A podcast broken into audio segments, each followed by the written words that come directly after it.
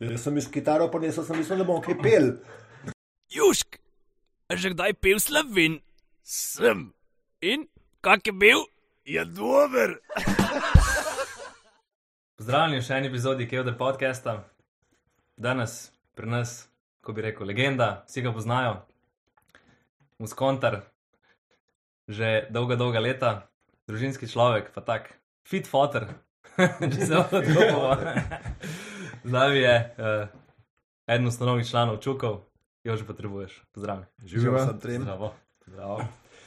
Um, jaz sem močen za začetek eno tako vprašanje, ki že zelo dolgo časa imam na mislih.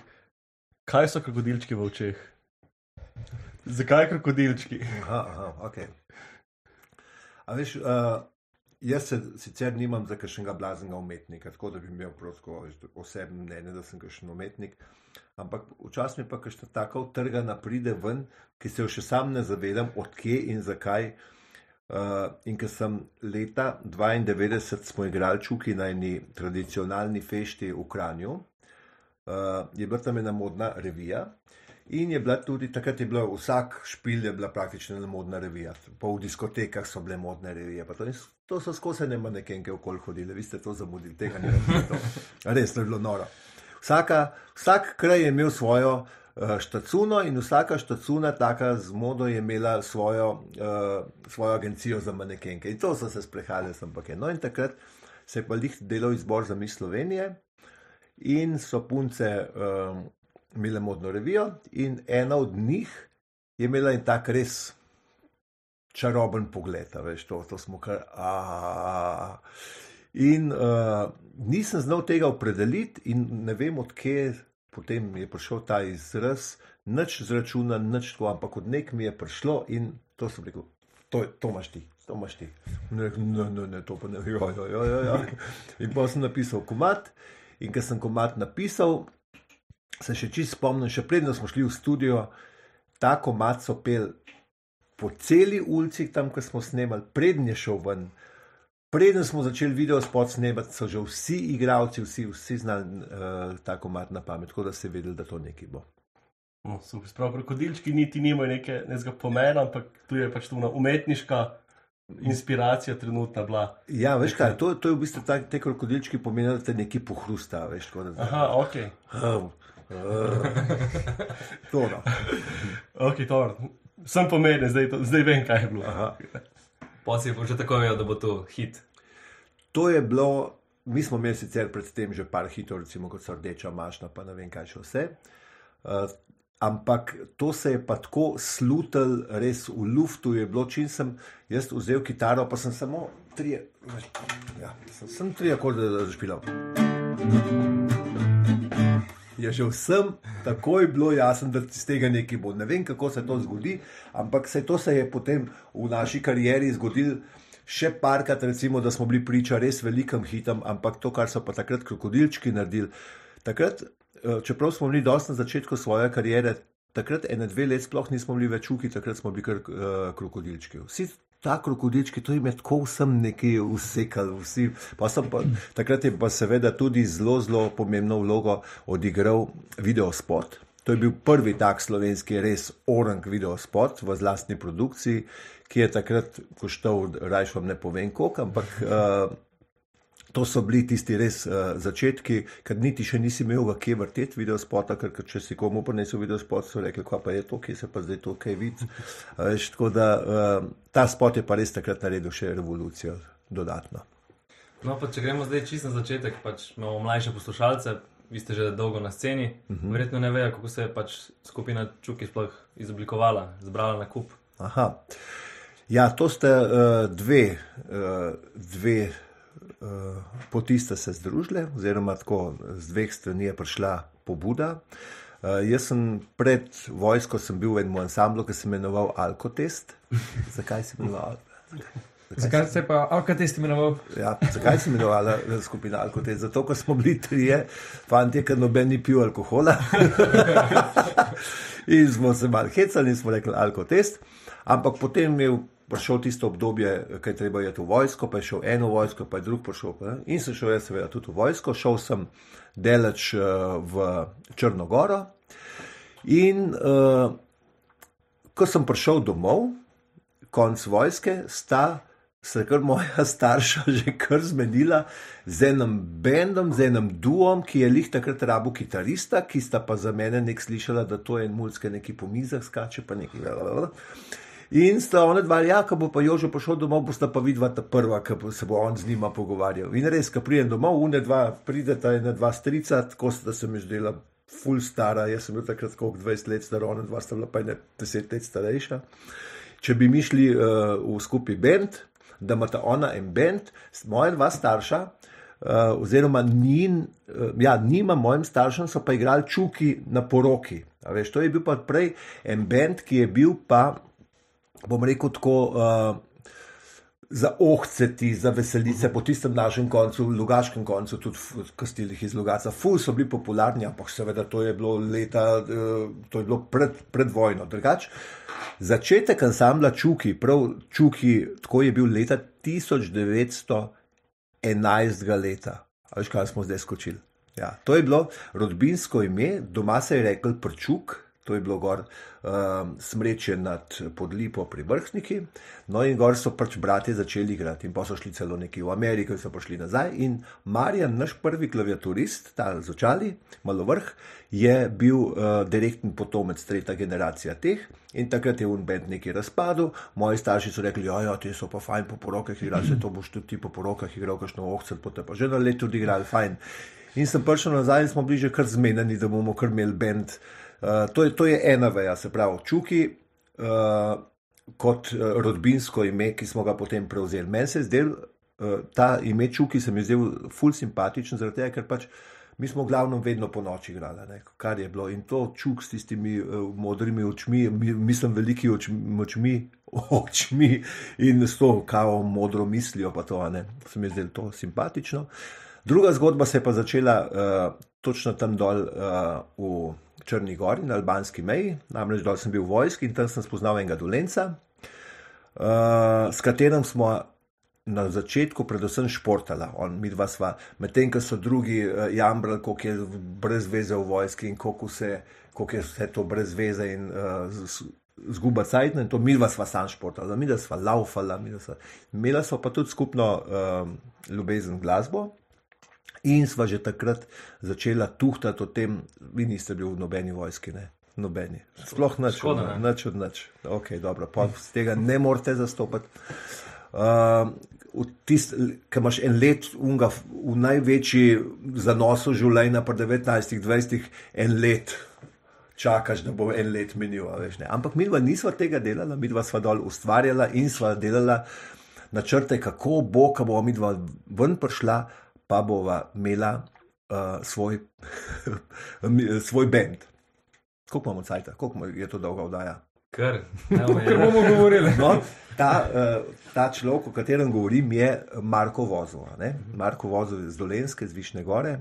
Mi dva sva se nekako dol takoj uh, zaštekala, oziroma ne bom čisto vsega povedal, ampak uh, vel, veliko pa lahko, oziroma uh, lahko pa povem to, da je takrat, to je bilo lik pred razpadom Jugoslavije, to so bili zelo, zelo občutljivi cajti. In Marko je mene spoznal, tako kot sem jaz takrat že kitaro igral, da smo še v Nikšiču, ko smo bili prej, sem full kitaro igral in seveda so se Slovenci tudi okoli mene zbirali, predvsem Slovenci, ker smo peli glavno slovensko musko, to v Črni gori in to enem seveda ni bilo všeč. In so me potem določili, da bom jaz nekako Takrat je rabila pa vsaka enota vojaška, kasarna, ne vem, če veste, kaj to pomeni, ja. enega notrnega sovražnika. To je, da bojo oni kazali, da je pa ta le bo pa uh, kriv za razpad Jugoslavije, pa to veš, mi pa tam dol, ki je v Črni gori, sploh ne sve, za koga se gre, kas pa vedel. Jaz sem dobival smo dol pač tistih par cajtengov, kaj mladina, jaz vem, da sem imel ognišče na ročme. Nimam gledal, kaj tam čudno, ampak itak ni bilo tam noč politike. No in nekako. Uh, potem z Markotom dobiva enkrat eno kitaro, eh, ki so jo od Markota starši poslali in dol mi dva začneva muzicirati, ampak to že potem, ko sva šla na albansko mejo v Nikšič. No, in takrat je bila pač ta čudna obdobje, ko so mogli pač nekoga dobiti in da bo ja najboljše pa bilo, da so dobili enega čim bolj znanga, da so ga vsi poznali. Mene so pa vsi poznali, ker sem jaz kitaro igral in so, so vsi poznali. Ej, jože, ta, ta, tega ne bomo. In jaz seveda zato nisem vedel. Ne? In ko smo šli v prekomando, to pomeni, da greš pol v drugo, smo šli uh, na uh, albansko mejo. Sem jaz imel osem ovaduhov, ne vedoč, zato da bojo oni zbirali informacije o meni. Da, če sem kakšno tako besedo rekel, da bo ja, uh, ta le kriv za razpad Jugoslavije. Mislim, to je tako banalno, to, to je zdaj smešen. je Pa so te navadili na ta medijski življenje, so te pa navadili, da moraš malo paziti. Ampak jaz nisem nič vedel, zakaj gre. Pazi, to se je dogajalo približno pet mesecev, ker je osem fantov, ki je bilo za to poslanih, zato da bojo mene pisali, pa jih celo provocirali. Uh, jo, to, to, to so hude zgodbe. Uh, Seveda, to niso doma nič vedeli, to je bilo več, kako je bilo to včasih na telefon, ne, pisma so mi vse pregledovali. To, to, je bilo, to je bilo res. Takrat je to zgledalo tako grozen, da sem jaz hotel v Albanijo pobegati. Tako je bilo grozno. No, ampak kaj se je potem zgodilo? Aha, in eden od teh fantov, ki so mene tako, je bil tudi Marko Vozo. Pazi, in da so bila največja prijatelja, ampak seveda to je bila njegova naloga. In pa se ga pa je enkrat mečkal Marko napil in mi je to povedal. In pa, ampak čez dva dni so že prišli iz, uh, iz ta glavne karavle in so mene, seveda, v, zapor odpeljali in to, kar jaz sploh nič videl, nisem vedel, za koga se gre. Potem se je pa, kaj se pa potem zgodilo, to, to se mi je zdelo pa in to nikoli ne pozabim do konca življenja. Že ta poročnik, ki je bil naš kasarnik, se mu je zdelo vse skupaj totalno brez veze, tam ene mulce neki zaslišujejo, pa neki kamizmo dol sam. V bistvu, Da čim prej mine. Ja, seveda. Pa pa- malo, pa. Ja, pa, pa laufa. ne. In potem Marko, to je bilo pa seveda neizmerno žal, a ne. Uh, zato, da je pač, uh, ki je itak vedel, da je vse skupaj brez veze. ne. In so prišli njegovi starši iz Višne gore z avtom dol, njegov ata, ki je tudi včasih, ne vem, 30 let nazaj prej. Uh, je uh, služil vojsko, je on prišel dol mene reševati. Se ti to predstavljaš? V Jugoslaviji še to ni bilo zheca, da ti kar mal. In tega, uh, to so bile, to so bile res. uh, Operacija čast. bila. No, pa sem bil seveda kar za- zaprten cajt, celo z vojske sem kasneje domov prišel.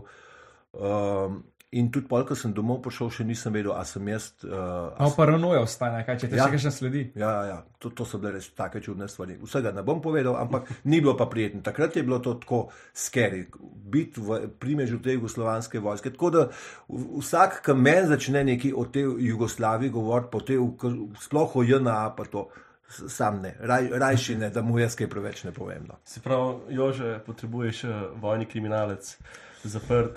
Uh, ja, ja, bil sem na, uh, na vojaškem sodišču, pa to či, A, čist vem. Okej. Ja, ja, ja to, to, je bilo kar, to, je bilo, to je bilo tako kar nekaj, da vam fanti ne morem povedati, kva, k- v kakšnem boljšem sajtu vi živite, kot smo pa mi takrat. Ja. No, pa gremo na lepše teme, kot je muzika.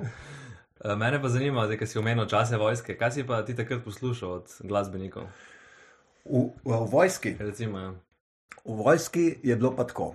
Uh, jaz v njihovem bendu nisem igral, zaradi tega, ker nisem poznal zadosti jugomuske. Pri nas doma se je vedno poslušala pretežno uh, slovenska muska. Jaz sem pa že pred vojsko poslušal tudi bitle, pa ne vem kaj, tudi tu je musko velik, ne, rečem, da ne, ampak nekako uh, stik z slovensko musko sem pa imel v vojski Uh, tako da mi je Andreja, s katero so že takrat, uh, mi dva sva začela, veš, da smo mi dva začela hoditi. ja. En dan preden sem jaz šel v vojsko, sva začela uradno. Nekje sem prebral. Je to zadnjo noč celo, ja, ja, ja ob desetih zvečer sva uradno postala par, s tem, da sva se že prej full cajta poznala. No in ona je mene, meni snemala vse muske, ki so bile takrat v eh, Sloveniji popularne. Uh, tudi tu je. In takrat je bila ena oddaja z Marjanom Kraljem v nedeljo zvečer, kako se je že imenovala. Na radiju Slovenija, prvi program je bila ena oddaja, sramota, sem pozabil. No, ona mi je to musko pošiljala in jaz sem seveda to vse na kitaro brenko in se vse te stvari znal. In takrat smo začeli z Markotom tudi to prve komade dela, dolže v vojski. Jo, še, eno, še eno zgodbo vam lahko povem. Kar. Ja. Podcast. Dej, no, čakaj, eh, dej, lej. In potem, ko sva, uh, ko sva z Markotom to doživela, s- oziroma ja, skupaj z Markotom, sploh jaz malo bolj, sva se zaobljubila. Da če prideva srečno domov z vojske, bova naredila ta prvi nastop. Tudi če ne bomo imela pol benda, čeprav smo imeli trden namen, da ga bomo imela. Ampak to je itak tako, veš, ker si bil v vojski, vsi so rekli, ja, se polkamo pa z vojske pošli, to se bomo pa še dobivali vsak teden, ali pa se vsak mesec, ali pa enkrat na let. Noben se nikoli ni nikoli dobro. Če se slučajno ni srečal, ker ti enkrat tisto sukno odložiš, to ti je vse. No, ampak mi dva sva si takrat obljubila, da če se bo to srečen, ta, ta šmoren srečen končal, da bomo mi dva naredila en zahvalen nastop v eni cerkvi, v Dobroški cerkvi. Mi imamo pa tam eno cerkev in jaz, ko pridem z vojske, pokličem Marko, to sem rekel, Marko, ti, uh, lej, sej ne vem, bo kaj s bendom ali ne bo nič, ampak to, to bo pa naredila. No, in jaz pokličem našega županka, ki je bil sicer fezdec, ampak ni bil pa preveč, je bil tako kar precej konzervativen, ni da bi. Da bi tako, okay, da bi kdo kaj s kitaro. tak- Danes je čisto normalno s kitaro v cerkvi, da slišiš enega, ali pa da en neki zaploska. Včasih Samo orgle. Samo orgle, 35 let nazaj. Uh, in jaz pridem do županka. Uh, sem rekel, lejte, to smo obljubili zdaj. No, to pa ja, to pa ja, ok. No, in pol mi dva narediva prvi nastop. Teh par unih crkvenih, takih, ki se je lepo, uh, teh po skavtih, pa to poje sva znala. Uh, in pol, jaz sem doma na Dobrovi, 200 metrov stran od cerkve. Uh, in uh, Markotov je bil to tak prvi večji nastop, ne sicer je že prej neki po, po šolah, eh, po osnovni šoli nastopal pa to in imel ful, ful tremo. uh, in potem uh, mi gremo že od naše bajte gor proti cerkvi, jaz že tonsko vajo naredim, pa to, a veš, ura deset, kje je Marko, ne vem. Jaz, Ura, a veš, naš župan, ki je bil pa tako ob desetih, se je mogla mašo začeti, to ni bilo trte mrtve, veš, ne. Kje je Marko, mi smo imeli pa prvo pesem, ni Marko ta. Kje je Marko? Jaz sem če jaz rekel, mojega očeta vprašal, kje je Marko? Ja, jaz ne vem, jaz sem ga na zadnje videl eh, doma, ki je šel na WC. In ga je Ati noter v bajto zaklenil, ne vedo. In jaz laufam do, dol, Ma- Marko zaklenjen v bajti. Ja, ja, ja, kje smo bili? No, več je. Ah, da je pa šimo v gor in pa se je takrat začela. In sva to lahko prvič eh, rečem, da sem prvič v življenju slišal po koncu Maše, ker sva ta zadnji komad zapela, ne vem, kje je en, kaj pa jaz vem, prihajam k tebi, moj gospod, ne vem, niti ne vem. So ljudje ustali in so začeli ploskati. To je bilo takrat tako, mislim, Stoječe ovacije v cerkvi. mislim, tako- niso jih bile ovacije, ampak veš, to, to, je bilo, to je takrat bilo tako glasno, neki je tako. Zelo, zelo. No, potem sem pa jaz Marko ta pripeljal uh, ansamblu Čuki, mi smo bili prej trio, se pravi Vinko, Marjan pa Jože smo bili. Sem rekel, ta zga pevca pa, uh, pa on je imel ful res tudi. Uh, Rad, rad bi nekaj naredil v muski in takrat smo pa začeli. Ja, To je bilo leta 88, uh, ja, tako. Po 89 ste že izdali, začeli ali nekaj. Ja, tako, tako, tako. 89 smo mi že zmagali na enem festivalu uh, Slovenska popevka v Velenju, uh, potem je pa 90 let pa že prišla uh, Rdeča mašta, pa je šlo pa sam še. Ampak ste imeli tudi kaj poslušalcev, pač, ko je bila še Jugoslavija, ste imeli tudi izven Slovenije? Ne, pa. ne, ne, ne. Se takrat je pol uh, Jugoslavija v bistvu razpadla. Ja. ne. Uh, takrat smo bili na začetku, smo bili, se ne spomnim tega. Ne. Ne, ni nas še bilo. No. Ja, smo še niti ni bilo, a super. Okay. Uh, ne, to so bili uh, zanimivi časi. Marko uh, je bil celo v teritorijalni obrambi protko aktiven, tako da smo ga za vikende hodili tle gor na Torjak, pa to iskati, zato da smo lahko vikende špilali. In so ga celo spustili, ker so rekli, ne, družabno življenje pa ne sme zamreti. In smo čuki takrat ful vse vikende špilali, kadar se je dal, pa smo ga pa spet nazaj uspeljali. Mislim, tako zanimive cajte res. Kje je pa mogoče ta začetek, ne tvoj, se pravi, kaj je bilo mogoče una iskrca, da si rekel, ok, jaz sem pa glasbenik. To še ni dokončno odločen, da bom jaz glasbenik. Nisem dobro, ampak največ nekaj bilo, ne, da pač, ok, jaz sem bil pa band, pa tako, pač, kaj, kaj je mogoče ta tu privedlo do same te želje, mogoče, no, če ne mogoče odločitve, želje, da pač bi pa. Ja, uh, jaz sem mende od nekdaj rad nastopil, od nekdaj, to so mi govorili. V tej vasi, ki sem jaz bil rojen, mi še zdaj večkrat uh, kdo reče, da če je bila le šansa, uh, sem jaz tam na neki kmečki peči, veš, uh, sem, sem rad uh, ljudi, ker tako uh, čez dan sem jih uh, vabil, da so me zvečer prišli poslušati, če sem se jaz še na komat na harmoniko navadil. veš.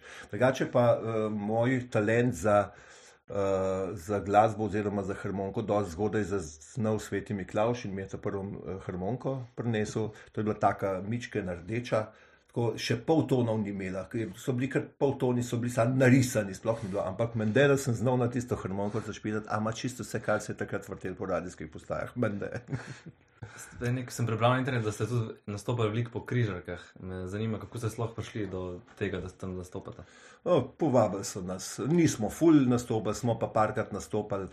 Uh, ta zadnjič se spomnim, smo uh, igrali uh, celo skupaj, z, oziroma ne skupaj, ampak uh, isto je bil Oliver Dragojevič, je bil pa mi smo bili. To je ena taka zanimiva štorija. uh, dve agenciji sta rihtala, ena je bila. Ena, ena je bila pa druga, ne bom zdaj v imenih. In so ljudje videli vsi, slovenci, seveda, ne? to je bila križarka, kjer je bilo seveda tudi veliko tujcev, ampak recimo na, od 3000 ljudi je bilo recimo ene 600-700 slovencev in vsi so mislili, uh, če bojo kupili pri eni agenciji, bo jo sicer Dragojeviča poslušali, ampak bojo pa šli še sprot, uh, še za čuke, ki so pa za drugo agencijo. In te so pa mislili, ja, če bomo za čuke kupili eh, karto, pa to bomo pa še Dragojeviča. Ne? In seveda, čisto po slovensko, te dve agencije se niste mogli zmeniti med sabo, da bi rekli, so oni rekli uh, od Dragojeviča. Ne, ne, ne, ne, ne, ne, to pa ne, naše karte so bile pa dražje, kot so bile za čuke, to pa ne. In te iz te agencije naše niso pustili une. Te so pa potem za nalaž, ker oni niso poslali, še na naš niso poslali. Pa smo pa mi rekli, da je to. A veš, tam na križarki se pa skozi srečuje Slovenci, vsi se te seveda poznajo, vsi unotroci, vekal, mladina. Ja, kaj, zakaj ne smemo na čuke, pa smo mislili, pol leta smo se veselili. Ja, ne smejo. In tam so res polni bodyguardi gledali, da ja, noben ne bo šel noter. Mislim, bedno, veš, mi pa tisti, pa valjda bojo prišli. Ne, ne smejo prijeti. Pa smo pa mi naredili tako, da smo na svojo lastno pest, smo take mičkine letake naredili in smo jih poladje nalimali na poslovilen, uh, na slo, poslovilen petek. Pridite za, na zaston Amplakt koncert na zapal, v, uh, kako se že reče, tam čist na koncu ladje, ki je tam zelo, zelo, zelo, uh, in je bolj. Kako? Ni Pre, krmo. premec pa krma. Prejemec je spredi, krmo je najbolj znano. Ja, pač Dobro. tam v zadnji. Ja. Uh, pridite, ke pa bomo imeli poslovilno žurko s te. In je pršele, nekaj mi pa tam žbreng, žbreng za nam kitarama, ampak je bilo tako dobro, tako prisrčno je bilo res, da smo vsi skupaj uh, fajn se imeli. Potem imaš v bistvu rajš skoraj ne mlajšo publiko, tako da otroke vidiš, ko uživajo, ali ti je v bistvu sen. Čuki so vsega različni. Ja, pač to je en, to je un band, ki ima tako kot puzli, od 1 do 99 ga piše.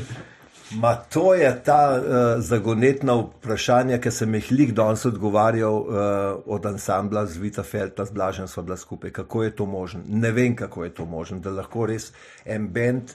Jaz verjetno priznam, da če bi bil jaz zunanji gledalec, tudi ne bi. Na, tudi ne vem, kako bi reagiral, da ti en bend lahko o petih popolne nagovarja tvojega otroka, potem ti uh, 19 let stara smrkla ob 11 zvečer, naslednji dan pa ne vem, pa, pa eni na harmoniji. Mislim pa, to je res svetovni fenomen, to moramo, to moramo priznati in to se je treba tudi na en način zahvaliti tistim, ki to razumejo. Tisti pa, ki ne razumejo, sploh eni glasbeni uredniki, vem, da so full, wow, zdaj pa uh, Lizanč mi je en za radijske postaje. Rekel, vse je super, komat, samo veš, ti poješ, kako, kako, veš. To, to ne gre skupaj, ja, pa, pa ti ne gre skupaj, boh pomaga. Veš, eh, to, eni imajo malo predsotkov do tega, m, ljudje pa, jaz vidim, sploh ne. Pa je v bistvu vsak ima tako, kot te pič, neka inspiracija in pičeš, ni da bi se nekaj držal, ok, mi smo zdaj bolj to, mi se bomo tako držali, ampak tako, kot je, tako je. V bistvu naše uh, poslanstvo je delati komade, a veš, pa ljudi zabavati, pa mislim zabavati. Pa tudi ne sam zabavati. Se včasih so tudi kakšne stvari, ki pridejo, ki ni sam zabava, ampak uh, vedno je osnova komad.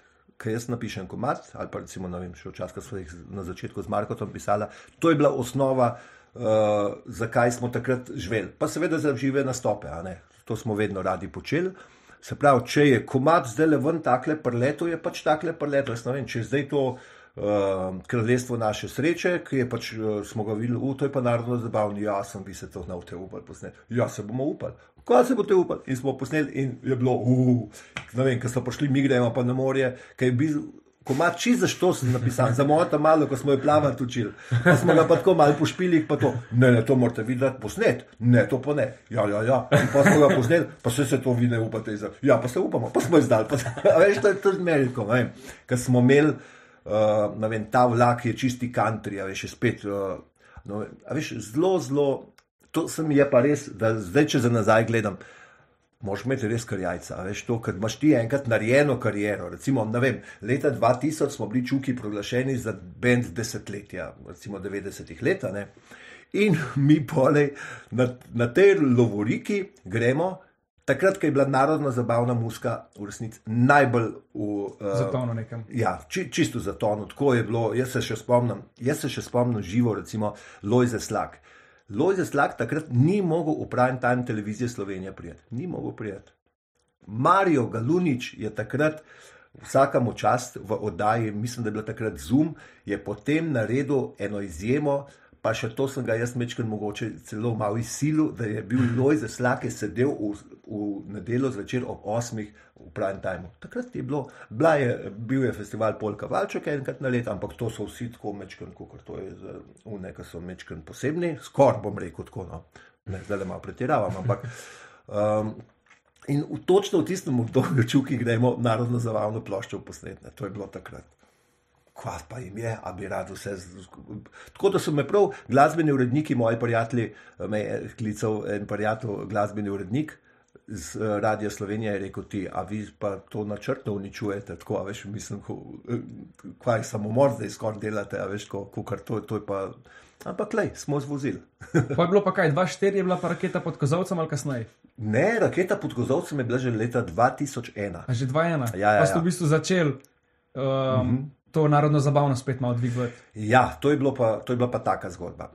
Uh, da ne boš, se mislim, da, so, uh, da je bila.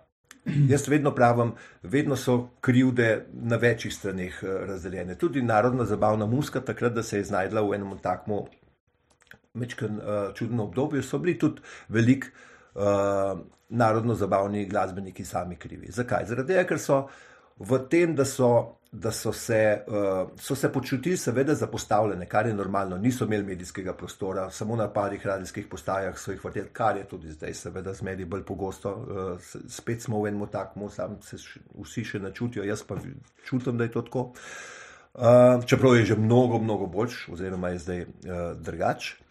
Um, vem, takrat, ko smo se mi na Polka Valček prijavili, samo prijavili, so, k sreči je bilo to pod anonimno, pod anonimno in ko so ven potegnili čuhi, vem, da so eni hoteli bojkotirati. Polka Valček. In tudi ker potem, ko smo mi, seveda, takrat premočno zmagali, ne, s komadom, ki lahko en reče, ja, je to upravičeno, da je zmagal, a so samo zato, ker so bili iz, eh, z, iz zabavnih vod, pa so bili bolj prepoznavni. Ne, komad kraljestvo naše sreče je slovenski Evergreen Fertig, lahko se vsak na glavo postavi. Dober komad je, kaj ćemo narediti. Uh, no, in uh, ko smo zmagali, ti povem, da polovico tistih bendov nam tudi čestitali. Res, no, to se mi je zdaj tako za malo. No, in potem sem jaz to začel malo raziskovati, ne da sem rekel, da smo pa mi užali, ampak sem šel od enega do drugega, s lakom sem se že prej ful dobro poznal. In tle res, uh, ne samo zato, ker smo zdaj na Dolenskem, ampak Lojze Slak je meni v teh stvarih bil največja inspiracija in tudi kritik. Ne. On je meni, ki sem začel hotel in je tudi seveda bil uh, največkrat gost uh, s svojimi fanti spraprotna in to je naše vdaji. Zdaj sem pa večkrat, ko vidim, lik, da imate cviček. Jaz v življenju nikoli nisem toliko cvička spil, pa nikoli ga več ne bom, kot sem ga lih prlo za to slako. Res. On, ko sem prišel ob devetih zjutraj, njemu pa hivanki. On je imel, lih tak, ej, lih tak le koncert, koliko je to, en deci? En dec, ja. En deci. Ob devetih zjutraj, pred uno deseto uro sem ga že mogel. Ene tokle Ja, pa to je za zdravje bilo. Ne vem, zakaj, za, za, iz odnosa, da, da je on dolenc. Ja, zdaj, zdaj v tenga za zdravje. Um, Če ne pa sok. bom, dej. Ajde, to. Če smo v Kevdru, ne. Ja, en, en pa je res za zdravje. Ti si nam okle prešernega še ne, sicer je bil. Ja, ampak Ne, ne, ne, danes, danes bomo cvičkali na, na eh, Slakovo uh, slavo in uh, ja, na veke Ja, vekov. bom še jaz, da bom skrbel. Zdravje, zdravje. Zdravje. Ampak tako le dva, dva, Ja. bomo, e, jopi. Epa. Tako le na polahko, tako bolj za, Ja. za uh, Kulturno. dekorativo. Bolj za dekorativo, ampak. To povezuje naš podcast, naš pogovor. No, in takrat sem začel uh, skupaj z Andrejem Kregarjem, z enim producentom, ki je tudi rekel, da je to v Sloveniji ni ena take vdaje, uh, da bi bila tako malo bolj ljudska, to vse je bilo takrat zelo, zelo nobel. Uh, hotel biti narodno zabavne muske, nisi videl nikjer v prime timeu, to je bilo pač prepovedano, ampak ni bilo tega. ne. Uh, smo pa večkrat sodelovali v oddaji, boš videl, kaj dela dolenc. Ne vem, če poznate to. To je bila ena tradicionalna stvar, ki so jo uh, Slavko podboj, pa, pa njegovi od Slaka prijatelji delali tako. In bila, so bile vedno teme, zelo, zelo taka etnološka prireditev. Poglejte si, zihar je na YouTubu kakšna stvar. Uh, in se vsake to, kot sajta, tudi na nacionalni televiziji zavrtela. To, uh, o tej oddaji smo s Slakom večkrat debatirali, gor v njegovi zidnici ali pa pri njemu doma. In je rekel, jože, da je ti kaj tazga naredne. Ker mi smo bili pa takrat znani po tem, da smo ful dobre video spote delali, ne? pa ful dobre televizijske nastope. Mi smo bili vedno tako, smo bili čist utrgani, smo da take. Smo celo kramo pripeljali uh, za en nastop, tri minute na televiziji. No, in je uh, Slak uh, me večkrat uspodbujal, to tako, kot mi je tudi rekel, ker nas je enkrat na eni veselici slišal, da mi špilamo ta soseda v Franciji. Rekel, podajte vi to posnet, uh, zakaj pa vi to ne posnamete? In smo pa res, veš, recimo, in še zdaj veliko mladine misli, da je recimo ta sosed v Franciji ločukov ali pa recimo šmentano dekle, veš. ne. Uh, no, skratka, raketa pod kozovcem je pa nastala tako, da sem jaz rekel, ne, to pa tako ne more biti. Sem šel na nacionalno televizijo, sem rekel, gledajte, nacionalna televizija, to more tako oddajo imeti. Mora imeti, gledajte, cel zahodna, uh, mislim, uh, vse severne sosede imajo, t- mi, mi pa ne, kaj to. In takrat so rekli, ne bom zdaj imena povedal, kdo, ampak uh, mi je urednica ali urednica, takrat se ni važno, mi je rekla, te muzike nikoli več ne bo v prime timeu. Uf, sem rekel, kaj. To, ne, to je pa se, to je, kako je že, da to smrdi po zatohlem. Uf, sem rekel, fant, to je pa. Jaz, veš, mi smo pa vsak teden na terenu, pa točno vemo, kako ljudje sam čakajo. Veš, in, takrat, uh, in takrat smo šli pol na eno TV3, dobil sem Boštjana Romiha, ki je pa ravno takrat uh, pel pri ansamblu, um, pri ansamblu uh, Toneta Rusa. Lih takrat je prišel kao za par tednov neki pomagati in sem ga lih v enem takem obdobju dobil. Uh, in s- smo naredili eno zgodbo, ki smo jo potem, uh, so nas povabili na Pop TV čez uh, dobre dve let, potem pa s Pop TV na nacionalno televizijo povabili. Ker se je zluftal, ker ni bilo več za to. ne vem, kaj je bilo. Pač, in to, je, to so bile, pa smo pa takrat še uh, jasno koljaj zraven dobili, uh, strašna jožeta, serpentinška. Mislim, to so bila pa res, to so bila pa leta, ki so pa uh, šest let, pa pol oziroma sedem let. Sicer orangaranja, ker to so bile v bistvu etnološke oddaje. To niso bile samo z, zabavno glasbene oddaje, ampak to so bile oddaje s tematiko, predstavljene uh, stvari take, da še zdaj jaz recimo včasih si to pogledam, si mislim, da smo imeli pa res. Uh, Mislim, to v, v, eni, v eni taki oddaji je res tako, od 50 do 70, res takih domislic, da rečeš, vsaka čast. Pa je bilo pa nekaj let premora s temi narodnimi zabavnimi, pa je bila pa ta črni Peter. ali- Ja, potem sem pa uh, takrat so. Še na zdravje je bil, ne? Na zdravje je bil na nacionalni televiziji, ja, to je bilo z jasno, pa z Boštjanom. Uh, pa to, je bila, to je bil res velik projekt. Takrat tudi, tudi vem, uh, smo skupaj spravili bende, ki po več desetletji niso uh, špilali. Recimo, to so bili veliki projekti od vem, Gugujev do. Ma, da ne bom koga spustil, res full, full, full stvari. In uh, potem so pa nekako na nacionalni televiziji, uh, na potem je pa se tako zgodilo, da je zaradi enega neljubega slučaja uh, jasna zapustila ekipo, ker je pač uh, nekje imela ene konflikte s televizijo. Ostal je v bistvu samo Boštjan. Uh, nismo dobili ta prave zamenjave za, uh, za jasno, to, to je te- pač treba priznati. In pa sem tudi jaz mečkano pehal, uh, televizija tudi uh, so rekli, da bi radi kaj novega, smo rekli, super, smo nehali. Uh, potem sem šel pa, potem so me povabili pa na planet, kjer smo delali tudi z Boštjanom, pa s tem strašnimi jožitami, pa še s parimi humoristi smo delali uh, Raketa na planetu, potem sem šel pa. Potem sem šel pa na Pop TV delati popolno poroko, potem smo šli pa spet na planet, so me povabili, če bi delal eno oddajo, pa smo Črnega Petra naredili. Vmes pa še pred 15 leti smo pa še uh, Ribiča Pepeta zaštartali. Uh, tako da je bilo televiziji, televizija je kar dobršen del mojega življenja do zdaj bila tudi. Ja. Kaj pa recimo, imate kariero preko 30 let, ne? velik, velik ste verjetno igrali tudi na Dolenskem, tudi klele v prečni v Lukni. Ja. Eh, Kak, kak bi rekel, da so Dolenci, če jih primerjaš z ostalimi? Um, Oziroma, da smo Dolenci, tako. Čuki smo na sceni 34 let, ne, pet, letos eh, bo 35 let, se pravi, to je 35 let. V teh 35 letih smo imeli skoraj 4000 nastopov. In če se spomnim, ko smo mi, a veš, tis, vsak bend ima svoj vzlet, veš, in čuki smo imeli sploh tako vzlet, ta, un, ta huta. Ne?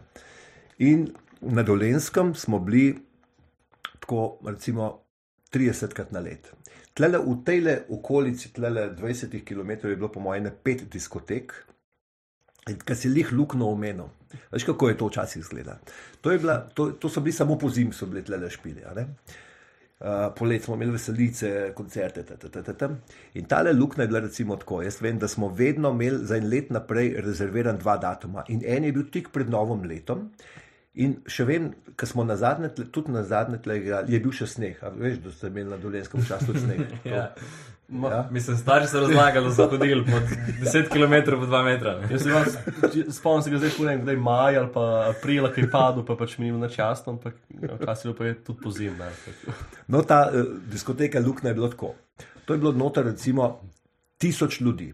To je bilo tako le je bilo. In to so bili še časi, ki se jih danes sploh ne znamo več predstavljati, in hvala Bogu, jih več ni. Zakadili. Ja, ker se je to kadil noter. In v tej luknji, jaz se še čist spomnim, še slike obstajajo. Jaz sred koncerta ob pol treh zjutraj, brez, brez majice, brez nah, nah, samo v hlačah, kitara, čist mokre lase, od stropa so bili pa taki kapniki od nikotina in od. Od Švica in, od, in to je tako le dol kapal. Da vse je to dol kapal. Vroče je bilo pa noter, zunaj je bilo seveda minus uh, 12, noter je bilo pa plus 60. Ko to je bilo tok, da ti, ki si med pauzo hotel jeti na pijačo. To ni bilo tako, da si uh, ti prišel na pijačo. To si se govoril, da je pa, pa tole, pa un je un rekel, da je ta bo pa un. In so se tiste kodarce tako lepo podajali, če je imel srečo. To, to je bilo tako nabit, to je bilo tako. In recimo, jaz se spomnim, še to je bilo takrat, ko sem rekel, uh, da kao ni bilo prav, prav fancy, ne slovensko muziko poslušati, kaj šele narodno zabavno. Ampak, ko smo mi uleteli s Frajtonarco v diskoteko, pa to na Moršvar, ali pa recimo v vrh pole, ali pa na Otočec, ali pa v Gabriele, ali pa to. To je bilo noro, to je bilo, to je bilo tako, da.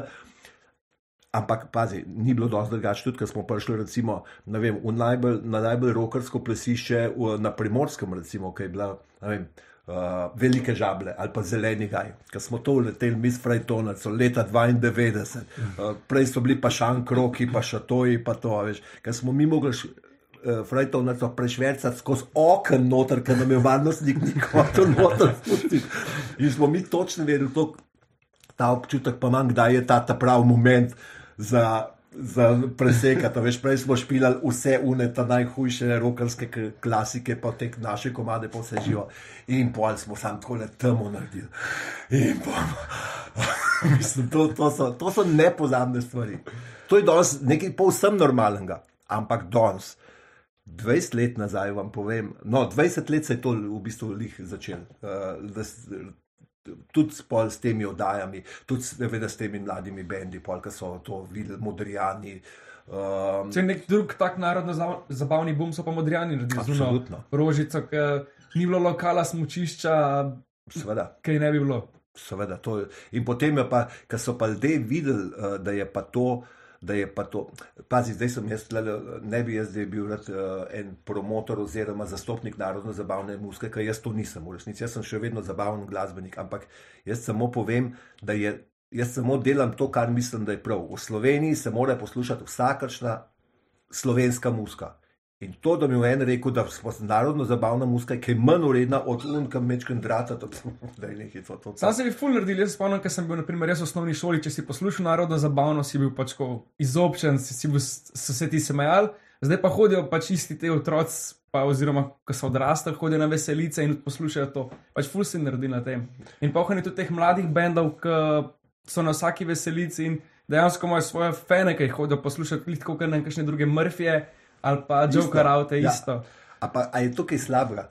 A veš? Sem videl včasih še ta, kera glasba si, mislim, kera glasba si poslušal, je pač nek del tvoje identitete, ne, in pač smo tvoja skupina in mi smo tu in mi poslušamo samo to in mi ne bomo drugega poslušali, Ja, ker ja, vse ja. ostalo je fuj, mi skupaj držimo in poslušamo samo pač to svoje zvrst. Ne. Zdaj pa mogoče res se ljudje odpirajo, pač vse, vsak ima nek dober komat, tudi če imaš neko zvrst, ki pač ti ne paše. Pač. Lej, jaz sem delal, jaz sem delal tudi velike raziskave. Ne? Zelo velike raziskav sem delal, ker sem se pač takrat oddajal, sploh ko sem jo delal za nacionalko, sem se res lotil analitično. Tako da mi ne, bo, ne more ničesar očitati, veš, da ni to zdaj neki. Veš, to, to nacionalna televizija, to je za mene, sej takrat je bila, zdaj upam, da se še vedno trudijo, no, ampak uh, je, je neki.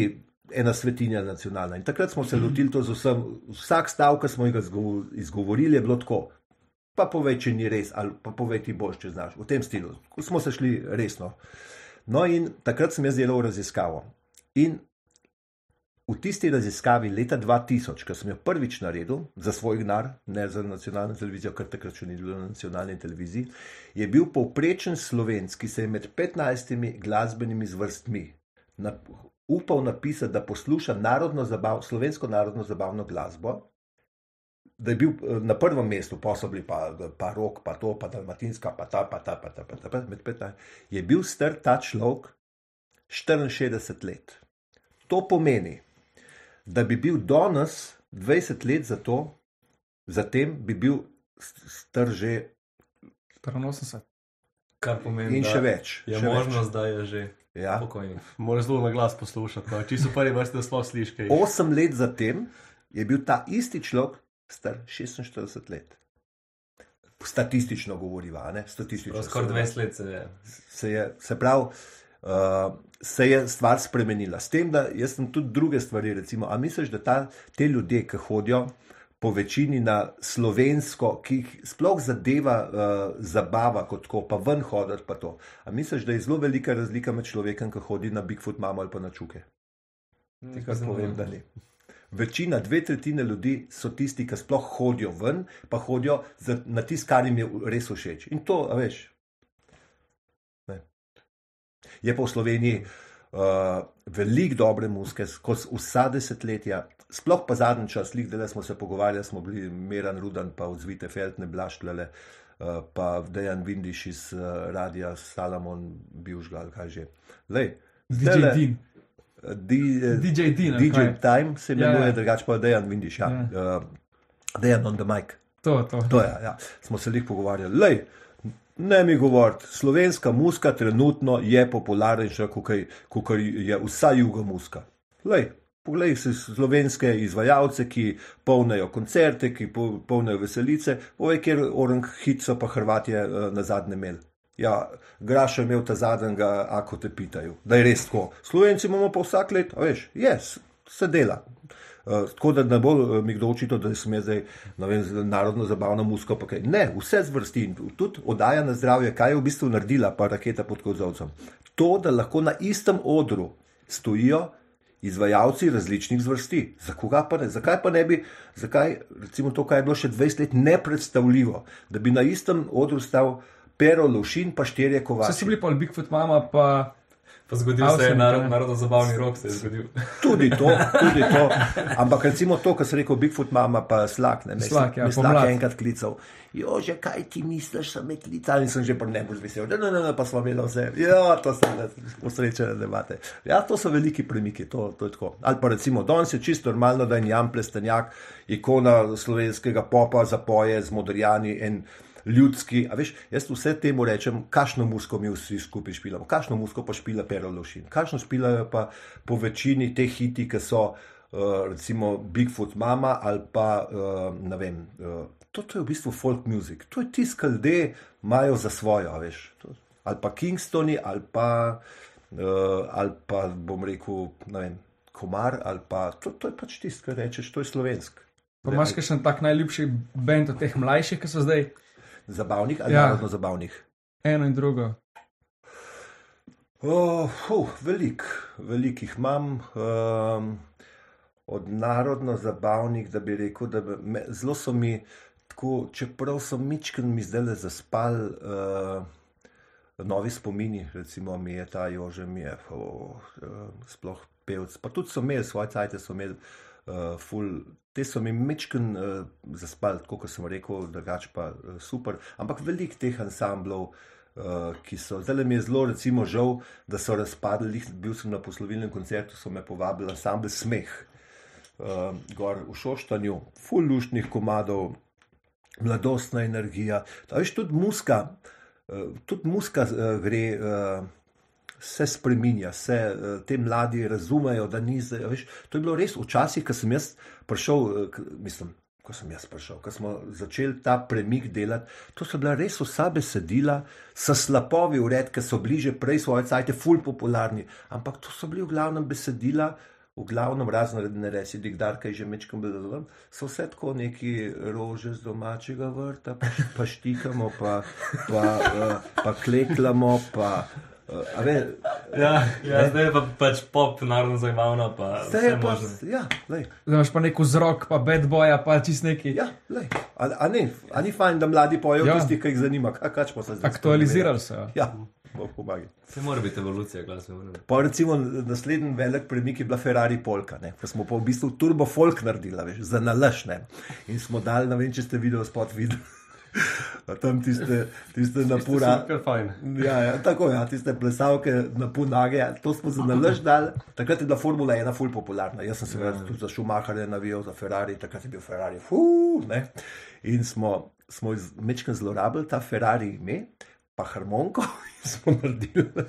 Veš, takrat je bilo tako, zdaj Formula 1 pač je taka, ki je, ampak 20 let nazaj, tisti dec, ki je imel v nedeljo popolne cajt, po južnem se zleknil na kavč in gledal tiste cigarete, škatlice, kako se šopale štiri Ja. leta. Štartu za spa, pa recimo se je zbudil. ja. Takrat se je še cigaretna uh, industrija ful uh, šlepala gor, se spomnim, jaz sem bil tako jezen kot pajk. Uh, ampak to so vsi bulali, veš, in mi smo to lepo naredili, Pa harmoniko. še pa- tale mir nališič je bil noter. Točno to, ja, pa smo pa, in to smo ga celo, veš, Mira na Ališiče, kako smo pa to naredili. To je bilo za ene dirke. Uh, sem jaz slučajno snimal na telefon, ker se je on neki drl in je bilo to to, ula, veš. In sem ga posnel, in pa smo mi naredili Ferrari polko, in sem kar tisti s telefonom, sem kar noter dal, veš. In pa ga enkrat pokličem, dober dan, Mira Nališič, vi, vi ste to, ja, ja, pa sva se dobila tam v Ljubljani in v kofetu. Sem rekel, lej, kaj pa če, kaj pa če bi uh, tole uh, mi dal uh, posnela, veš. Je rekel, ja, kako sem rekel, lej, se sem že naredil, ja, kje je pa moj glasbo, bo sem rekel, kar po- posnel sem ga. In je celo rekel, da ja, sem mu delal celo fora in takrat je bila Ferrari polka tisto leto, se mi zdi 2002, to je bilo, to je bil rastor, to- kjer smo pa šli to. Kje video sploh ste pa snemali, preden si se šel poročiti? Je to bila neka zgodba, ne tudi, da si ga snimali za Hozen. Tregari, ja, Hozen Tregari je bil video spot, ki sem ga, eh, jaz sem se z Andrejo sva se poročila v največji tajnosti. Vedel je župnik, zvedeli so moji starši štiri dni prej, pa na Zemunu so vedeli tam, ke- tam. To je bilo tako, da tudi Marko, naš pevc, ni vedel, uh, mu nisem hotel povedati. Kao prsta. Kako prsta, se nisem imel še prsta. A ja, zaročen. Ja. Ma kaj še zaročen prst, to je zdaj moda. Kaj, kje smo mi eh, takrat vedeli, kaj je to za roka, pa iti na kolena, pa, pa ne vem, kašne, pa ne vem, kva imajo zdaj, ne žure prej. Fantošne so bile, jaz sem fantošno preskočil, to je res. In tudi mlaje sem hotel preskočiti, če ne bi naš domač župnik se neki zagovoril in so pol neki že fanti začeli tam okolbajte skakati in sem jih lepo prosil, sem rekel, da mi dva res ne, ne rabva, nočva imeti medijske poroke. Mal tudi zaradi tega, ker se je ene pol leta prej ali koliko se je me, uh, Helena Blagne poročila in so čez Ljubljano eni veliki napisi bili po avionih, pa to Helena Blagne srečno, pa to tako, res spektakel, tako svetovni spektakel. Spektakel, Ja, ja. Mi dva pa tega res nismo hoteli, ne, ne, ne, ne sam ne, da ima to eh, nekako skozi. Uh, in smo snemali celo noč, smo snemali spot. eh, do petih zjutraj, mi dva smo mogla biti pa, uh, mislim, da ob devetih zjutraj že v Zemonu, a veš ne. In uh, to, so, to so bile res. In sem moje prijatelje povabil na, jaz sem jo pa jih par dni prej, ne, poročila sva se 14. februarja na Valentino, slučajno leteli, uleteli. Zdaj je dva za eno. slučajno, kašli Valentino, pa smo takrat vedeli, kakšno Valentino, da je ne seri. Uh, in uh, jaz sem imel pa prej 30. rojstni dan, pa en mesec prej, ne, tri tedne prej, ne, 30. rojstni dan in nis, nisem delal žurke, zaradi tega, ker je pa takrat smo imeli jih menjavo v bendu, je na mesto uh, prvega klaviaturista Marjana prišel moj bratranc Matjaš in smo imeli cel na repertoaru parih tednih za naštudirati, vse je bilo na glavo. In uh, jaz sem moje prijatelje povabil, da pridejo na moj 30. rojstni dan v eno gostilno. In tudi v gostilni, tam, ko smo se poročili, so mi dva rekla, ja, ja moj 30. rojstni dan, brzo, v redu, dobro je, v redu. No in pol mi dva, seveda, uletiva tam s tistim pušalcem in to. ne. In je bila seveda cela zbrka, kaj zdaj naredi, da, da ne bo uh, blamaže, kako pa, kakšna poroka je pa to bila. In uh, moji prijatelji pa tudi prihajajo tako malo v križastih srajcah, pa to, veš, pa, pa videl pa tam, veš, tega, vsaka on nobel, pa to, veš, kakšen pa priješ na poroko. In so vsi mislili, da prve dve ure, da je to skrita kamera. Noben ni poštudiral. Še lepo, lepo, tam me ne puno čisto videl, da je stvar. Uh, dosta resna, kako sem jaz zdaj že prišel na to temo, zdaj sem pač zabluzil. To se dogaja v Keldru. Zdaj smo nastop. Ne, Ne, za video spot, ker video spot se Ja, snema prej. ja, trening. tega smo snemali, ja, tako uh, do petih zjutraj. Uh, Pol je prišlo pa do takih absurdov, da je Andreja tudi nobenemu ni povedala, da se poroči in je šla zjutraj, ob sedmih zjutraj, eni kolegici svoji uh, frizuro narediti. In njena prijateljica, ful dobra prijateljica, ni vedela, da v bistvu nevesti dela frizuro. Zvečer je prišla pa na poroko. Štar, mislim, res smo jih, tako smo jih, da, da še zdaj nam nikoli ne bojo tega oprostili. Ampak glede na to, da, da sta že to poroko, da vam je uspel tako skrit pred nekim medijskim pompom, sta tudi naprej v bistvu že cel življenje se do skrivala. Ni spet to, glede na to, da se je najbolj Mm -mm. ne skrival, ampak nisi spet tako vsak teden v reviji, kot je 95 drugih Estradni. estradnikov. Uh, ne, mi se v bistvu čisto ne skrivamo, to, to ti pa kar povem. Uh, tud, pa tudi nič ne silimo, ne, ne. Če pa koga kaj zanima, pa pač tudi pokažemo ali pa povemo, če, uh, ker mislim, da nimamo kaj pretiranega za skrivati za enkrat v življenju. Uh, smo pa ena zelo povprečna slovenska družina, nimamo zdaj. Uh, Ne, sej to, zato je zanimivo, ker si v bistvu eden največjih slovenskih glasbenih zvezdnikov. Če smo iskreni, ker te pozna največ od najmlajših do najstarejših, ampak še zmeraj te ni povsod preveč. No. Uh, oh, a veš, da v, uh, mi smo nekako, že za, na začetku, ko smo začeli kariero delati, mi nismo vedeli, koliko časa bo naša kariera trajala. To noben, tudi slučajno ni mislil, da bo to trajalo 10 let, pa 20 let, pa 30 let. To, to, res, to, mi imamo vsak svoje poklice, tudi upravljali smo jih svoje cajte. Uh, jaz osebno si nikdar ne dovolim, da živim samo od muske, to vsak mora povem, zaradi tega, ker se mi zdi, dokler mi bo muska tist, ah, rad grem na špilat, rad komat napišem, nobene presije, zdaj pa moramo zdaj to, to posneti. to.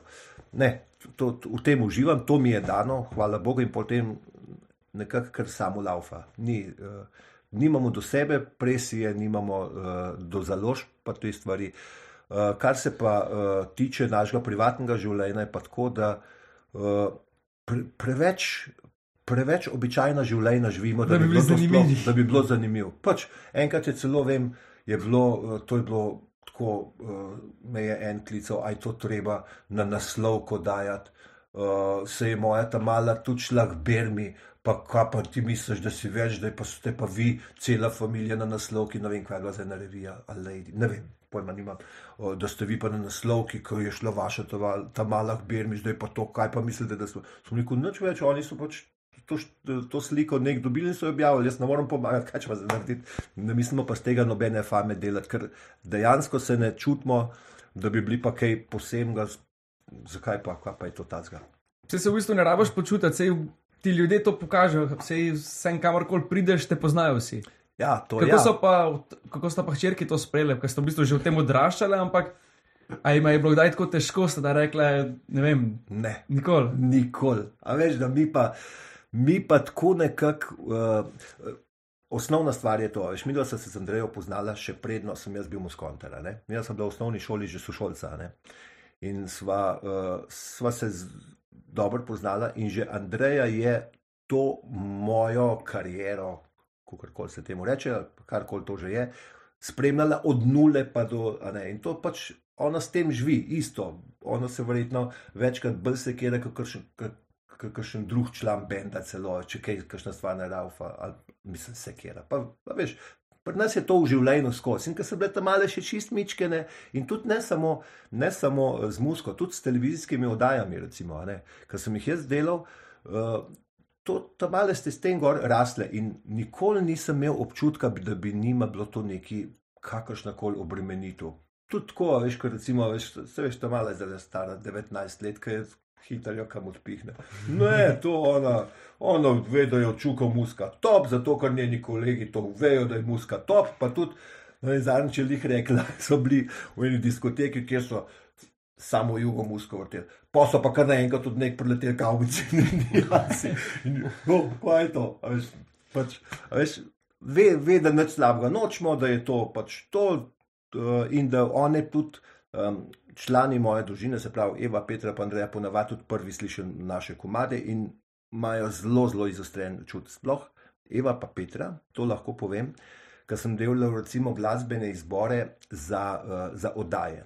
Sej vse eh, strokovne eh, stvari upoštevaš, pa to, ampak občutek, ali ena stvar bo hit, ali bo neki to, to imate pa one dve tako izostren. Pa jaz, recimo, jaz sem v Sloveniji, ker uh, moram reči, da mi ful veliko muskontarjev pošilja komade, preden jih izdal. Pa recimo, če imajo več nabora, pa rečejo, kjer komad bi bil zdaj. Pol ti ščerko vpraš. Jaz se že prijelo, se moram potruditi. Večkrat mi potrdijo moje domneve, večkrat so pa celo uh, imele uh, bolj prav, kaj jaz. Pač, ne vem, en čut imajo, zgleda, da so s tem res gor zrasle. Pa Tu je, tako, tu je ženska intuicija. nekaj bo na tem. Zdaj, če smo bili pa že pri rumenih novicah, ne, smo dosti zasledili, Jože potrebuješ in njegovo izklesano telo. Ne. Zdaj pa me zanima, kako pri teh letih še tako vedno dobro skrbiš za telo in je res, če narediš koliko sklec na dan. Ah, Odvisno, vsak jutr, preden gremo doma, sigurno sto sklec, pa sto tudi bušnjakov, to je res. Ampak to ni bena taka reč. Jaz ne vem, kva se bi iz tega delala tak, taka fa- fama. To je pač, jaz mislim, da tako, kot jaz gledam, to, tako bi mogel približno zgledati vsak 50-letnik ali kva. To se ni, jaz nisem tako, da bi rekel, zdaj mi je pa meni šport, pa vse na svetu. Veš, to se mi zdi pač. Um, da je en odnos do sebe, se ni, se ni to do drugega. K- Jaz ne mislim zdaj s tem, kako pa zdaj jaz lih zgledam, ampak to se mi pa zdi, da človek gre uh, zdrav pa, po svetu in da zato vse naredi, kar lahko v teh razmerah, kaj je s tem, da morate vedeti, a veste, mi smo, mi imamo 50% neprespanih noči. Ne? To, to je drug life, to ni tako nekdo, ki gre v službo, pa ima pa cel popolne čas eh, se s kolesom voziti. pa to. Mi pač te ure tudi za šport, pa to lovimo tako, kot je. Veš, uh, jaz sicer ful rad fuzbal igram, pa da se s kajakom vozim, pa kolo, pa te stvari, ampak to je.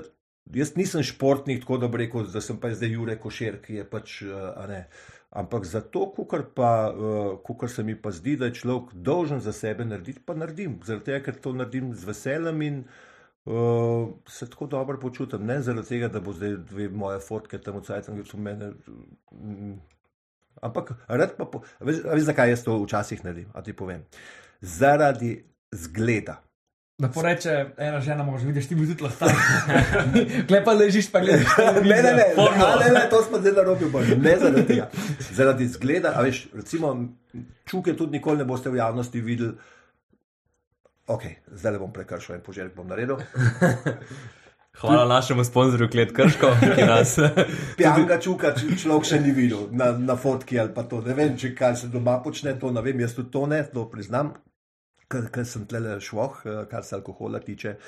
uh, cigaret, pa to tlele sem jaz. Kar, uh, in to je zgled. In tudi zdravo življenje, če smo že na medijske uh, osebnosti, je fajn, da je to. Zlik dan sem bil, hej, sorry, sem bil na koncertu od Briana Adamsa. Veš, kako, kako tip zgleda, hej. Veš, kakšen fit tip in ko pride na oder s tisto kitaro, veš, to je čist nekaj drugega, kot pa in trebuša, to je špreng, špreng. Ne vem, Jaz to tudi, jaz to tako gledam. No, ne. Mislim, veliko bolje, da zgledam, učiš druge, kot pa da jim pametuješ, kaj mora delati. No.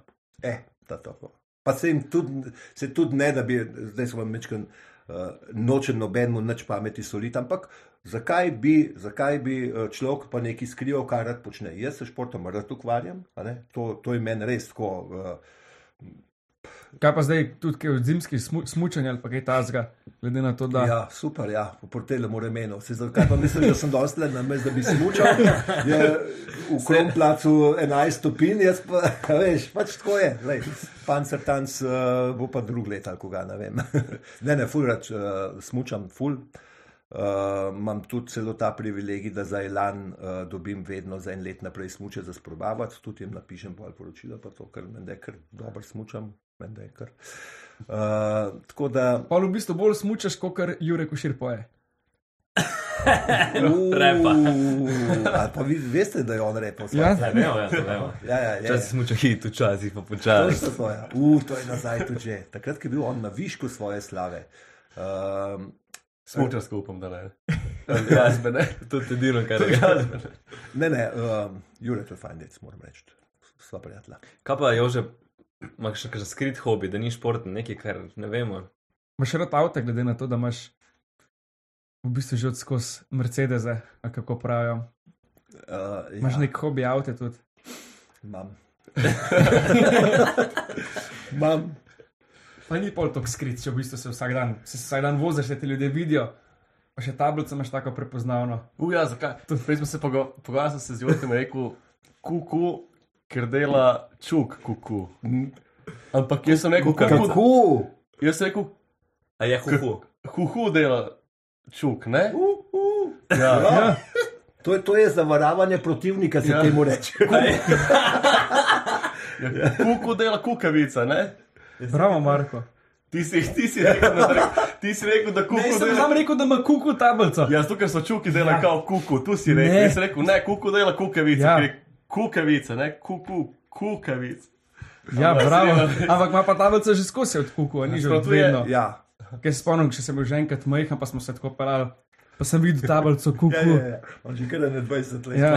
Se pravi, to je varka, da vsi mislijo, da ta zihar ni čuk, ker pa čuk dela huhu, ne dela tako. kuku. A vam nekaj pokažem. Sem neč komentirati. Okay. Pridite sem. Okay. Pa tudi pol pucaš avte. Ja, to pa res. ja, to imam tudi eno tako čudno. Ja, jaz sem take butaste. Jaz vsak jutr, ko se zbudim, pač sklece pa to, pa to, pa zajtrk pa grem pa avto prat. res, ta, ta, ta, ta je. Ja, to je pa kako, kako že, kaj bom, karate kit, ne? Wax on, wax off. Je še dodatno. In v tistih sedmih minutah si pol večkrat glavo in si naredim oren plan za ti dan in tako. Take, jaz sem take malo utrgane. Ja, dobro, si. Vsak ima svoje hobije, takšen pa drugačen. Ja. Um, kaj pa, ok, se pravi, prej smo se pogovarjali tudi uh, s potajali Ferrari Polka. Uh, ni pa nikoli vas. ne, ne, ti se hočeš. Že prej sem hotel vprašati, kaj ni bilo pa nikoli nobenega klica ali pa kakšne tožbe ali pa kaj, da se uporablja ime ali pa kaj, ali pa da bi pač ne mogoče kaj v Nemčiji igral ali pa karkoli. Ne, ni bila celo ena druga varianta, je bila, ko je Ferrari Polka vam prišla, smo jo posneli tudi v italijanščini in nemščini. In takrat smo celo imeli uh, ponudbo ene tuje založbe, uh -huh. da bi uh, v nemščini to izdali za eno veliko uh, gor založbo. To je bilo lih predno, mečkam predno so atomiki vam prišli. Uh, in potem smo pač v bendu sklenili, da nam je v Sloveniji čist preveč, pa takrat smo imeli že za dve leti naprej termine zasedene, to, kaj bomo zdaj mi gor po Hanovru, pa kakšen znan zemljevidu ne najdemo, ne, hesan ali kva, pa to, kaj se bomo mi zdaj gor sjazili, če nam je le čist lušen in smo ostali tlele in lej, nam ni žal res. Uh, se pravi, pol po tujini, niste veliko štuki. Ne, smo Igrali. bili, smo bili v Južni Ameriki, smo bili v Severni Ameriki, smo bili po celi Evropi skoraj, ampak to v glavnem, v glavnem za slovence. Pa Jože, ne, verjetno si veliko prepotoval, imaš kakšne posebne kotičke sveta, ki so ti pri srcu. Um, ja, eh, veliko smo prepotovali, tale, eh, družinsko mi ful veliko potujemo, to nam je nekako tako, jaz temu rečem, družinska srebrnina. Tako, um, to, to familijo, če ima le šanse, če ima le take ali drugačne, jaz te to vedno priporočam, ker takrat vidiš. Uh, Slovenija je lepa, vse lepo in prav, ampak znaš stvari mečkano do zunaj tudi uh, pogledati. Uh, in smo bili praktično po celem svetu, razen v Avstraliji, pa Rusiji nismo bili. tako. Drugače, kje, uh, a kje nam je bilo najbolj všeč? Najmanj nam je bilo na kitajskem. To smo šli tako radi, da res nobenega potvajna nismo šli radi, da iz Kitajske Zakaj? smo šli.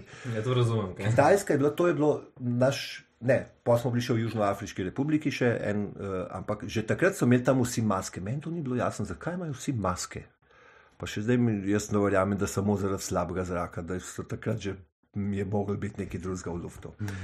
Uh, to je res čist druga kultura, sorry, to pa, pa smo bili res že po arabskem svetu, pa Južne Amerike, pa ne vem kam. Ampak uh, tam se nismo lagodno počutili. Ne vem, uh, drug način. Uh, Dojemanja vsega skupaj. Ampak drugače kitajsko hrano imaš prvi, ali ne? Ješ. Tlele, v Evropi Evropsko ja. in kitajsko. Dol, dol pa isto zgleda, samo ne moreš jesti. Ne Ja, moreš jesti. kužek ima drugačen, pa verjetno. Ne, res, to, mi smo full fani, mislim, fani. Mi jemo recimo vsaj enkrat na dva tedna uh, kitajsko hrano, recimo. mislim pa tudi drugo, ampak tudi kitajsko. Ja. Yeah. Ker smo prišli na kitajsko, nam, mi smo bili ta prvih pet dni lačen, pa isto zgleda, isto. Čist drugi okus je res. Noro.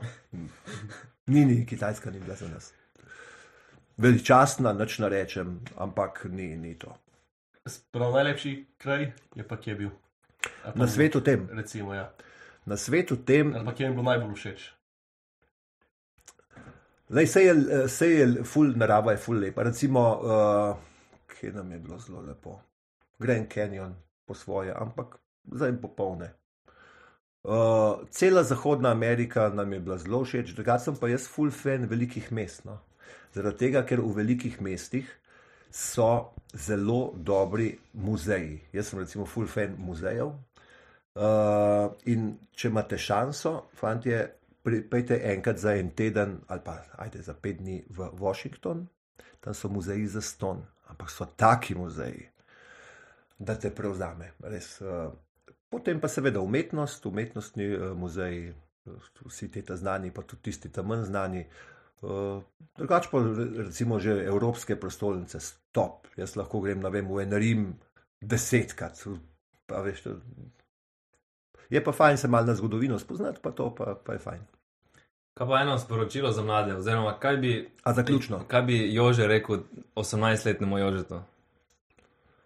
Aha, 18-letni že to čakaj, to se pravi. Lahko tudi 22, no. Pred vojsko, a po vojski, a pred vojsko. rečemo To je po vojski. Po vojski, ok. 22 let star, v službo hodil, pol petih zjutraj vstaja, uh, ob šestih začne šiht, to so bili še unicajti, veš.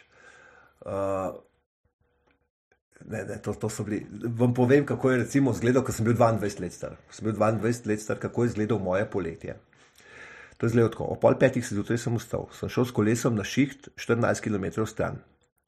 Ob šestih sem začel uh, šiht, sem delal do malce, ma med malce sem šel na WC spat za pol ure, potem sem šel naprej na šiht do pol treh, potem sem se domov pelal, nekaj pojedel, šel za tri ure spat, smo šli špilat na bled, smo celo noč do do pol enih igral, pa pospravljali opremo, šli domov za dve ure spat, pa spet zjutraj pol, pol petih vstal in to tri mesece.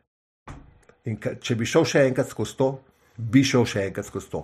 Ne vem pa, če bi šel še enkrat skozi to, da bi, da bi po tistih zakajenih dvoranah Bi imel masko, to Kitajci. Ne vem, ne vem, tega pa res si danes več ne predstavljam. Jaz, ko sem prišel iz špila, to je tako zgledal, da ne da sem se v garaži slekel. v garaži sem avto parkiral, pa sem se šel pa ven sleč in sem zune, zune, zune pustil. In sem šel noter, ker sem tok sam sebi smrdel, pa pa seveda stoširati in vse. Uh, to, tega pa ne vem, če bi še in tisti vladi, ki je to uh, prekinila s tem cigaret, to pa hvala Bogu. Res, to, to, to, je, to je velika reč, da se noter ne kadi, drugače. Vse en, ampak to mi pa res, to, mi pa, uh, to pa ne vem, če bi šel še enkrat skozi to. No. Jaz sem bolj mislil tako, sporočilo za mlade kot tvoje življenjske izkušnje in kaj, kaj si se naučil v tem 30 letih. Si se kaj naučil, ali si drugače predstavljal, kot je bilo, ali ti je bilo. Aha. Uh, nimam, nimam nobenih uh, velikih letečih stavkov, zdaj le uh, delajte po svoji vesti in se, da, da, da, da, da te, te, tega, uh, tega ne vem uh, vam povedati. Kar se pa moje uh, zgodbe tiče, ali pa recimo zgodbe Čukov, je pa tako, da se je fajn delati velike načrte, pa to, kaj bomo mi čez 30 let, uh, pa to.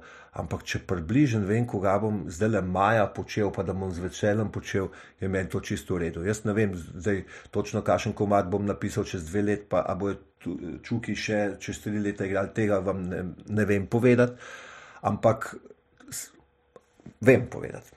Da jih vprašaj me še enkrat, pa, pa zreš tisto nebulozo, ki sem zdaj tri, minute neki lapal. Vprašaj me še enkrat, kakšno je tvoje. No? Jože, Ja. kakšno je pa tvoje sporočilo za mlade? Zelo enostavno, vse v svojem cajtu, pa vsak, vsaka stvar res uh, živeti s polno žlico, kukar se da do konca. To. Pa karkoli počnete, delite do konca, pa, pa zaradi tega, ker to mogoče vam bo se to zdel čez pet let butast, ampak boste dal skozi pa nekaj eno izkušnjo v tem. Dej vsak, vsako stvar zagrabati, pa jo izkusiti in jo, uh, in jo prežvečati vse. No, zdaj je un del uh, podcasta, kaj se vprašam, mi dva, če imate še kaj za vprašati. Uh, jaz sem nekaj imel, pa Jaz bom, tudi. bom, bom preskočil. Koliko je bilo težko 30-letnico skoordinirati? A ko smo imeli v Cankarju dobo, kot Tisto sem si dvakrat pogledal, ker mi je bilo res všeč. Ampak res? A. Toliko je bilo gostov, bilo je kar uh, burno. No. Mislim, Ja. Uh, ob 30-letnici smo imeli en koncert, kjer smo povabili večino prijateljev, s katerimi smo se družili v preteklih 30 letih, čuki. Uh, največ, kar mi je ta koncert pomenil, je bil to nekak zaključek obdobja oziroma eh, prerezati popkovino z prvotnimi čuki. Mi tega nikoli nismo naredili, kaj šel vsak član posebej stran, nikoli nismo naredili tizga. Pa sem si želel, recimo, sploh še, kaj šel Marko stran, sem si mislil, da dajmo narediti en poslovilen koncert, tako da se od ljudi poslovimo, ampak takrat ni bilo ta prave vole in to se mi je zdela ena taka odveza, veš, tista, veš, kas, in ko smo videli, kako so ljudje vse te bivše člane in ta nove, ki nas je sedem naenkrat stal čukov, veš, teh se pravi uh, Marko, uh, Vinko. Vinko, Marjan, pa Miha, pa Jrnej, pa Matjaš, pa jaz. In kaj je tisti dvorana tako, uh, ko smo imeli dva koncerta, sploh na tem prvem koncertu, ki se še ni snema, se veš, vedno, ko se snema, je tako mečkam bolj so, pa so bili še tisti vipovci tam od spredi, uh, ki so bili malo tako bolj uh, zadržani, pa nobel. Na tem prvem koncertu, ki ni bilo tisti vip, ki so sam tisti res uh, karte kupili, to je dvorana eksplodirala, to, veš, tisti. In ko se videl, da smo v teh letih res nekaj pustili za sabo, ko so vsi rekli, čakaj, tri ure ste špilali, same hite, ja, aj to. Veš pa, ko vidijo ljudje, kje komadi so vse bili v teh letih, ki jih vidiš na kupu, vse si verjetno videl. Ja. Ja. Ker še sam ne moreš verjeti, ker smo delali, recimo, uh, za, smo rekli, to več kot dve ure, pa pol ne sme biti. Evo, enostavno tri ure, ker pa še tako smo spustili, pa zvočnik na pločem, pa hozen tregale, pa fulejnih komadov smo spustili, ker enostavno niso prišli not. Takrat sem mislil, šlo je to pa nekaj je, ne. to. No. Jože, hvala, da si A prišel. ja, koliko časa smo to, eh, časa, uh, Štimali. Se pripravlja Ne, to. tri mesece orang. Uh, tri mesece orang, pa, uh, pa zdaj leč, uh, tuhtamo, da bi letos, ko imamo 35-letnico, spet nekaj podobnega naredili. Podpiramo. Hvala. No, pa zaključimo s temi lepimi mislimi. Jože, še enkrat hvala, da si prišel v naš Kevdr, no, na. Dolensko, eh, med fajn ljudi. Veš pa, da iz Kevdra ne boš v praznih rok, ne? mi vsakemu gostu damo vino, O, hvala, hvala. od cvička pa malo belga, kakšno kosilo ob družini. Lepo, lepo, hvala lepa. No, vino je pa od kliti krško, da se na tem mestu zahvalimo, ne? ker, Lepo. nas, eh, ker nam dajo to vino, da lahko nas podpirajo, nas sponzorirajo. Tako, in da lahko to je Slabo po, po, povezovalni element. no, še enkrat, hvala pa na zdravo. Ne? Na zdravje, Čim. pa se kaj vidi. Čim. Živijo. Čau, čau. Čau. Južk, sod te pušča. Južk.